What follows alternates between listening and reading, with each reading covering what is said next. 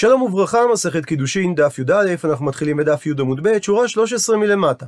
וראשית נזכר בשאלה המנחה בסוגיה מדף י' עמוד א', ששאלה הגמרא, האם קידושי ביאה גורמים לנישואים או גורמים לאירוסין? והביא על כך הגמרא תשמע מהספרי בפרשת קורח, ששלח יוחנן בן בגבג אצל רבי יהודה בן בטרה לנציבין, שמעתי עליך שאתה אומר שארוסה בת ישראל שהתארסה לכהן אוכלת בתרומה מדאורייתא ועל כך ענה לו רבי יהודה בן בטרה האם אתה לא אומר כן? הרי מוחזקני בך שאתה בקיא בחדרי תורה לדרוש בקל וחומר. אז אי אתה יודע את הקל וחומר הבא?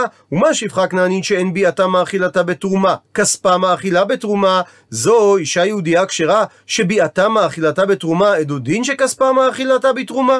ומכאן רצתה הגמרא להוכיח שקידושי ביאה נישואים עושה.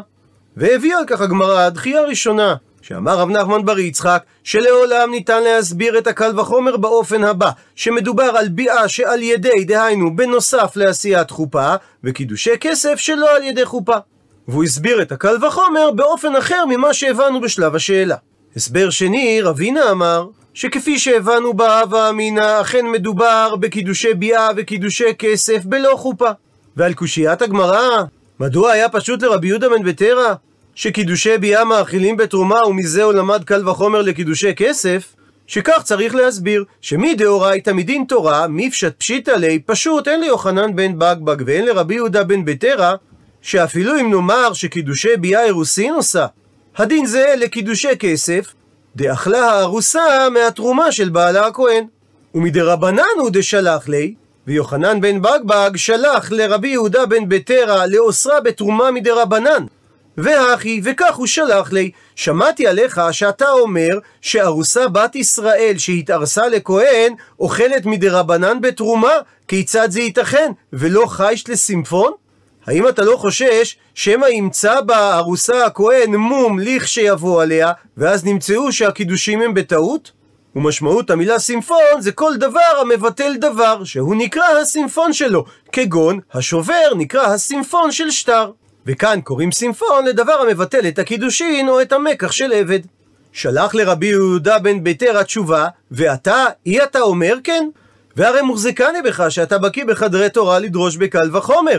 אז אי אתה יודע לדרוש את הקל וחומר הבא? ומה שפחה כנענית שאין ביאתה מאכילתה בתרומה, שגם אם הכהן בא עליה, היא לא הופכת על ידי כך להיות קניינו, וודאי לא אשתו, וממילא היא לא זכאית לאכול בתרומה, מה שאין כן כספה מאכילתה בתרומה, שאם הוא קונה אותה בכסף, היא הופכת להיות קניינו, והיא יכולה לאכול בתרומה, ולא חיישינן אפילו מדרבנן לסימפון שיבטל את המקח. אז זו יהודייה כשרה שביאתה מאכילתה בתרומה. שבנישאת לכהן על ידי קידושי ביאה, היא יכולה לאכול בתרומה, ולא חוששים לסימפון, כי אין אדם שותה בכוס, אלא אם כן הוא בדק אותו תחילה. זאת אומרת, שחזקה אין אדם נושא אישה, אלא אם כן הוא דואג שיבדקו אותה קודם, והיות שאין אדם עושה בעילתו בעילת זנות, גם אם יש לה סימפון, כנראה שהוא ידע וקיבל את זה עליו. אז אם בשפחה כנענית שאין ביאתה מאכילתה בתרומה, ובכל זאת, כספה מאכילתה בתרומה ולא חיישינה לסימפון, אז יהודייה כשרה שכוחה באכילת תרומה גדול יותר, שהרי ביאתה מאכילתה בתרומה אפילו מדרבנן, אינו דין שכספה מאכילתה בתרומה ולא ניחוש לסימפון? אבל מה אעשה, אומר רבי יהודה בן בטרה, שהרי אמרו חכמים שארוסה בת ישראל אינה אוכלת בתרומה, הפכנו דף עד שתיכנס לחופה משום דאולה, שאמר בדף ה' שחששו חכמים שאם היא תאכל תרומה בבית אביה, מתוך הרגל, היא תיתן גם לאחיה ולאחיותיה ותכשיל אותם. הוא ממשיך רבינה ומבאר, ובן בגבג שחלק על רבי יהודה בן בטרה, זה משום שסימפון בעבדים לית לי. שרק בארוסה ניתן לבטל את הנישואין משום מקח טעות כי יש לה סימפון, אבל מי שקנה עבד לא יכול לבטל את המקח גם אם לעבד יש סימפון. שהרי אי יש לעבד מומין שבגלוי הוא, למשל שחסר לו איבר, הכחזי לי, הרי הקונה ראה את החיסרון הזה, וסבר וקיבל אותו בשעת המכירה. ואם משום שהסימפון הוא מומין שבסתר, דהיינו במקום שמכוסה בגוף, מהי נפקא למיני? מה זה משנה לאדון אם המום הזה קיים או לא? שהרי למלאכה כבאי לי. הוא צריך את העבד לשם עשיית מלאכה, ולכן לא אכפת לי אם יש לו מום בסתר. בסוגריים נאמר שמום בסתר אין הכוונה לפגיעה באיברים הפנימיים שגורמת שהעבד לא יוכל לעשות את מלאכתו. סגור סוגריים. וגם אם נמצא שהעבד הוא גנב או קוביוסטוס שזה גנב נפשות, עדיין הגיעו המכר, זאת אומרת שהמכר קיים והעבד הוא שלו, מפני שסתם עבד בהגדרה גנב הוא. אלא מה אמרת, שאולי קיים החשש שאותו עבד ליסטים מזוין הוא? וזה עניין של זמן עד שיתפסו אותו ויוציאו אותו להורג, או שאולי מוכתב למלכות הוא, שהוא כבר התחייב מיתה למלך, ומשום כך יבטל המכר, הן הוא קלה יתלהו. לדברים כאלה יש פרסום, ואם למרות זאת הקונה סגר את העסקה, הוא כנראה סבר וקיבל שעל דעת כן תבוצע העסקה. ולכן חלק בן בגבג על רבי יהודה בן בטרה, מפני שדין סימפון לא קיים בעבדים, אבל הוא כן קיים באישה, וייתכן שיתבטלו הקידושין. ולכן היא לא יכולה לאכול מהתרומה של בעלה הכהן עד שהיא תינשא לו בפועל. מקשה הגמרא על הסברו של רבינה, מכדי, הרי לפי הסברו של רבינה, בין למר דהיינו ליוחנן בן בגבג, ובין למר לרבי יהודה בן בטרה הדין שהארוסה לא אכלה בתרומה. אז אם כך, מהי ביניו? מה ההבדל ביניהם? במה בעצם הם נחלקו? עונה על כך הגמרא, איכא ביניו, יש ביניהם את ההבדל הבא, ואומרת אותו הגמרא בצורה של סימן, אחד קיבל, שתיים מסר, שלוש והלך. הוא מסביר רש"י, במקרה הראשון הבעל קיבל עליו את המומים שיש בה, הוא אמר הוא כל כך אוהב אותה, הוא יודע שיש לה זנב ואף על פי כן הוא מתחתן איתה, אז משום יוחנן בן בגבג, אין חשש שיתבטלו הקידושים משום הסימפון, ולכן היא יכולה לאכול בתרומה. אבל משום רבי יהודה בן בטרה עדיין קיים החשש של אולה, ולכן היא לא יכולה לאכול בתרומה. במקרה השני מדובר שהאב מסר אותה לשלוחי הבעל, וכן במקרה השלישי מדובר שהלכו שלוחי האב עם שלוחי הבעל, שבכל המקרים הללו היא עדיין בדרך, והבעל לא ראה אותה. אז לשיטת יוחנן בן בגבג היא לא יכולה לאכול בתרומה משום שהבעל עדיין לא ראה אותה וקיים החשש שהקידושים יתבטלו משום הסימפון. אבל לשיטת רבי יהודה בן בטרה כבר לא קיים החשש של אולה שמא היא תשקה את אחיה ואחיותיה שהרי היא כבר יצאה לדרך ולכן היא יכולה לאכול מהתרומה של בעלה. ציטוט מהמשנה שאישה נקנית בכסף, בית שמאי אומרים בדינר ובשווה דינר, ובית הלל אומרים בפרוטה ובשווה פרוטה. ושואלת על כך הגמרא, מה הייתה מאיו דבית שמאי? מדוע בית שמאי לא הסכימו לבית הלל שהולכים על השווי המינימלי הכספי שזה פרוטה והעמידו את שווי הקידושין על דינר? הביאה על כך הגמרא שתי תשובות. תשובה ראשונה, אמר רב זעירא, שכן אישה מקפדת על עצמה, וירדו בית שמאי לעומק הפסיכולוגיה של האישה, ואמרו, ואין היא מתקדשת בפחות מדינר, שזה המטבע החשוב. אמר לי מקשה על כך אביי, אלא מעתה לדבריך רב זעירא, שמדובר באומדן דעתה הסובייקטיבי של האישה, אז נשים עשירות, כגון בנטי דרבי ינאי, שהיה אדם מאוד עשיר, ובנותיו דקפתנא נפשיו, הקפידו על הכבוד שלהם, ולא מקדשי לא היו מוכנות להתקדש בפחות מסכום עצום של מתרכבא דדינרי. שלושה קבין דינרי זהב. כך שלגביהם זה הסכום המינימלי לקידושין. הכי נמי, האם גם במקרה כזה תאמר, דאי פשטה ידה וקיבלה חד זוזה מאחר, שאחת מבנותיו של רבי ינאי תקבל ברצון סכום של זוז אחד מאחר לשם קידושין, הכי נמי, האם גם כאן תאמר דלא אבו קידושין? אמר לי, ענה לו על כך רב זירא, שבמקרה שהיא פשטה ידה וקיבלה, לא כאמינא, לא דיברתי על מקרה כזה. שאז ודאי היא מקודשת, כי כאמינא, אני דיברתי על מקרה דקידשה בלילה, כך שהיא לא ראתה את הסכום שהוא נתן לה, אינמי או גם דשביה שליח, שהיא מינתה שליח לקבל קידושיה, ולא נמלך בה השליח כמה כסף הוא צריך לקבל מהמקדש. במקרים אלו, במידה ומדובר בבנותיו של רבי ינאי, אכן לא יחולו הקידושין, אלא אם כן סכום הכסף הוא תרקבא דדינרי. הסבר שני לטעמם של בית שמאי, רב יוסף אמר, שטעמייהו דבית שמאי זה כדרב יהודה אמר רב אסי.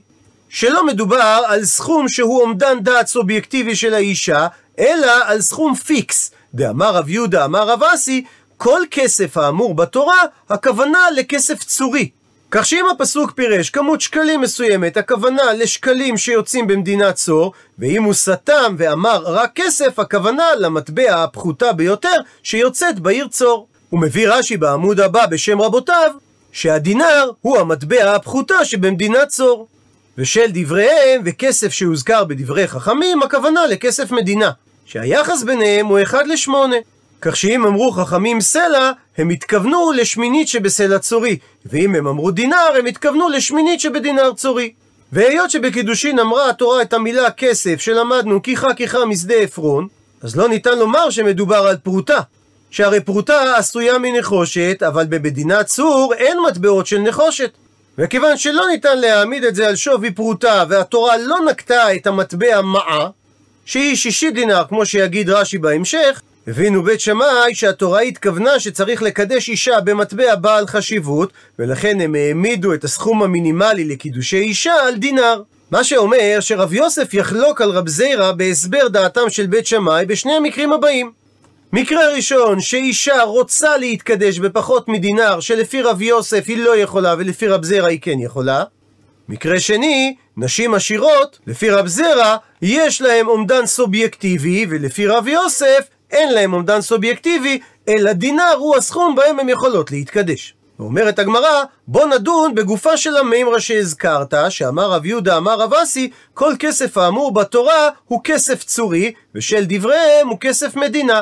ועל כך שואלת הגמרא, וכלל ההוא? האם זה כלל מוחלט שכסף שכתוב בתורה, הכוונה היא דווקא לכסף מטבע צורי או לשוויו? האם אין מקומות בתורה שבהם משמעות המילה כסף זה לא סוג של מטבע אלא ממון? הפכנו דף ומקשה על כך הגמרא ארבע קושיות. קושייה ראשונה, והרי טענה שאדם טוען את חברו ומשביעין בית הדין את החבר במידה והוא הודה במקצת הטענה. דכתיב כי יתן איש אל רעהו כסף אוכלים לשמור וגונם מבית האיש אם ימצא הגנב ישלם שניים.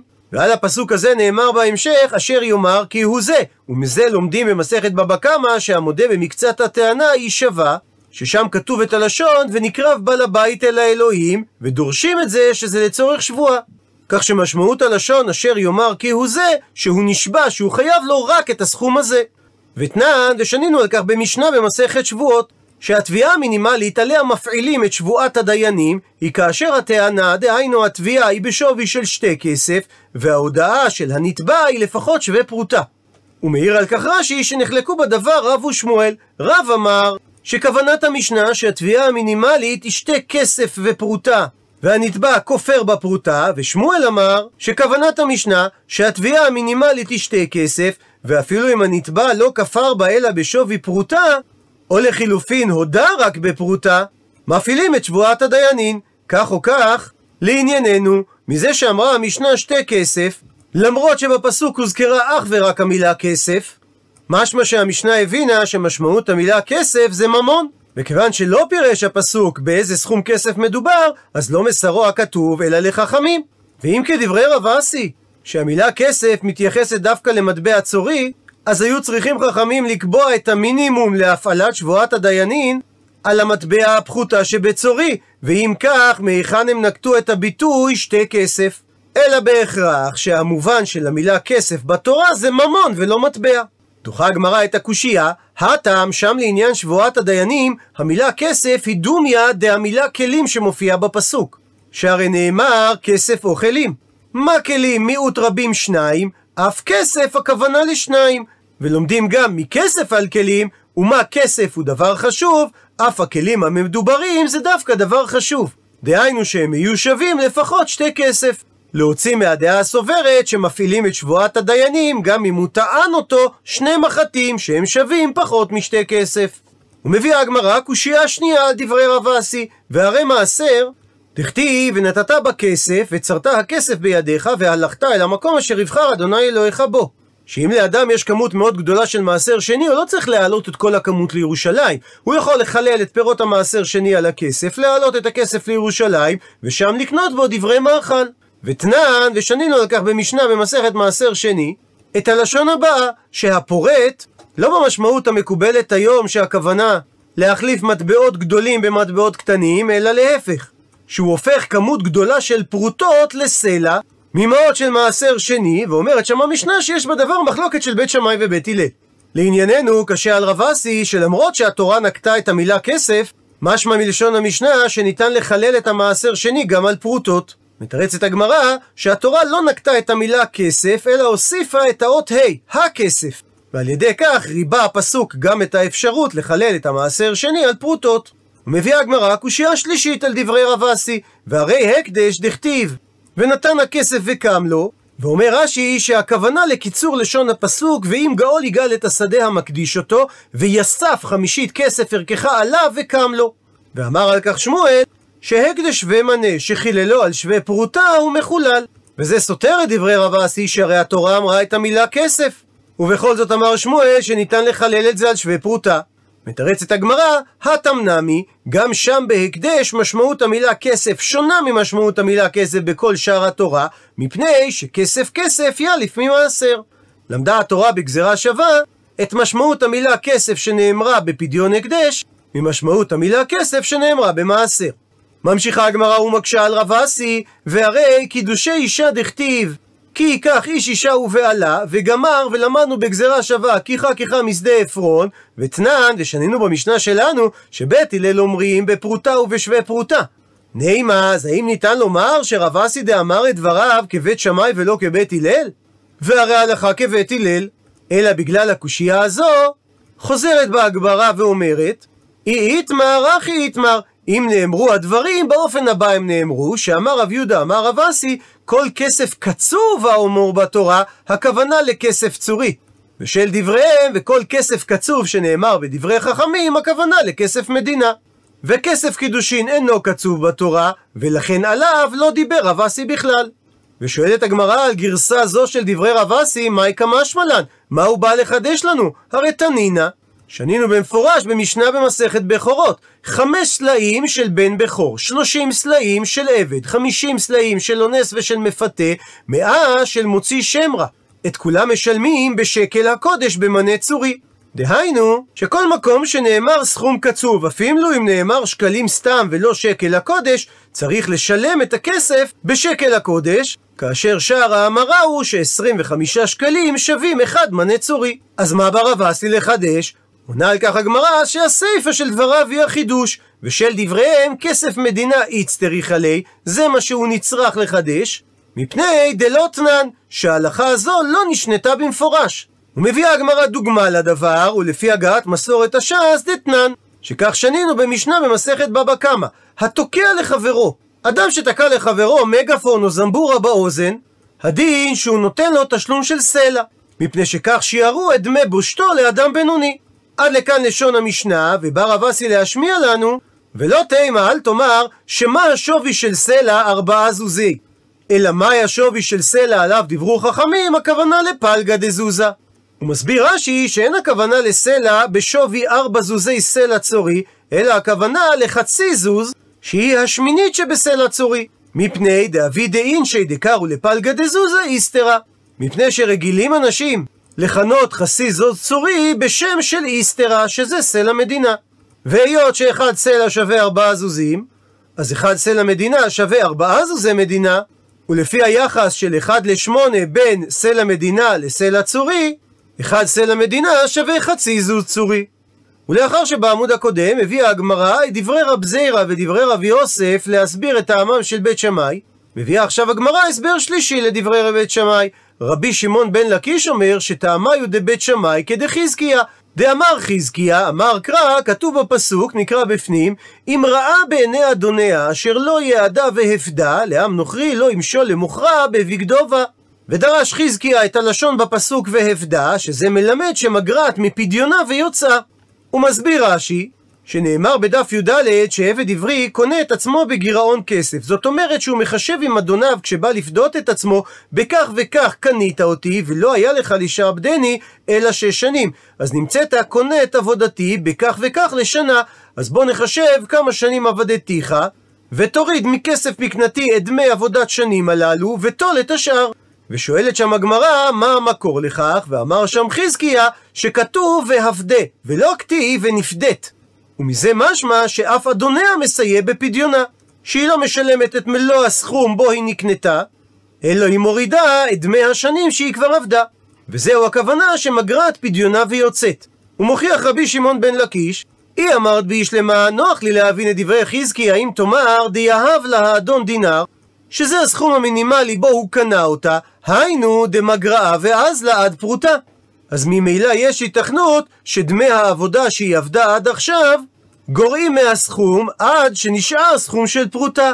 אלא היא אמרת, דיהב לה פרוטה, שהוא קנה אותה בסכום התחלתי של פרוטה, מפרוטה, מי מגרעה? האם ניתן לגרוע את דמי עבודתה עד עכשיו מסכום התחלתי של פרוטה?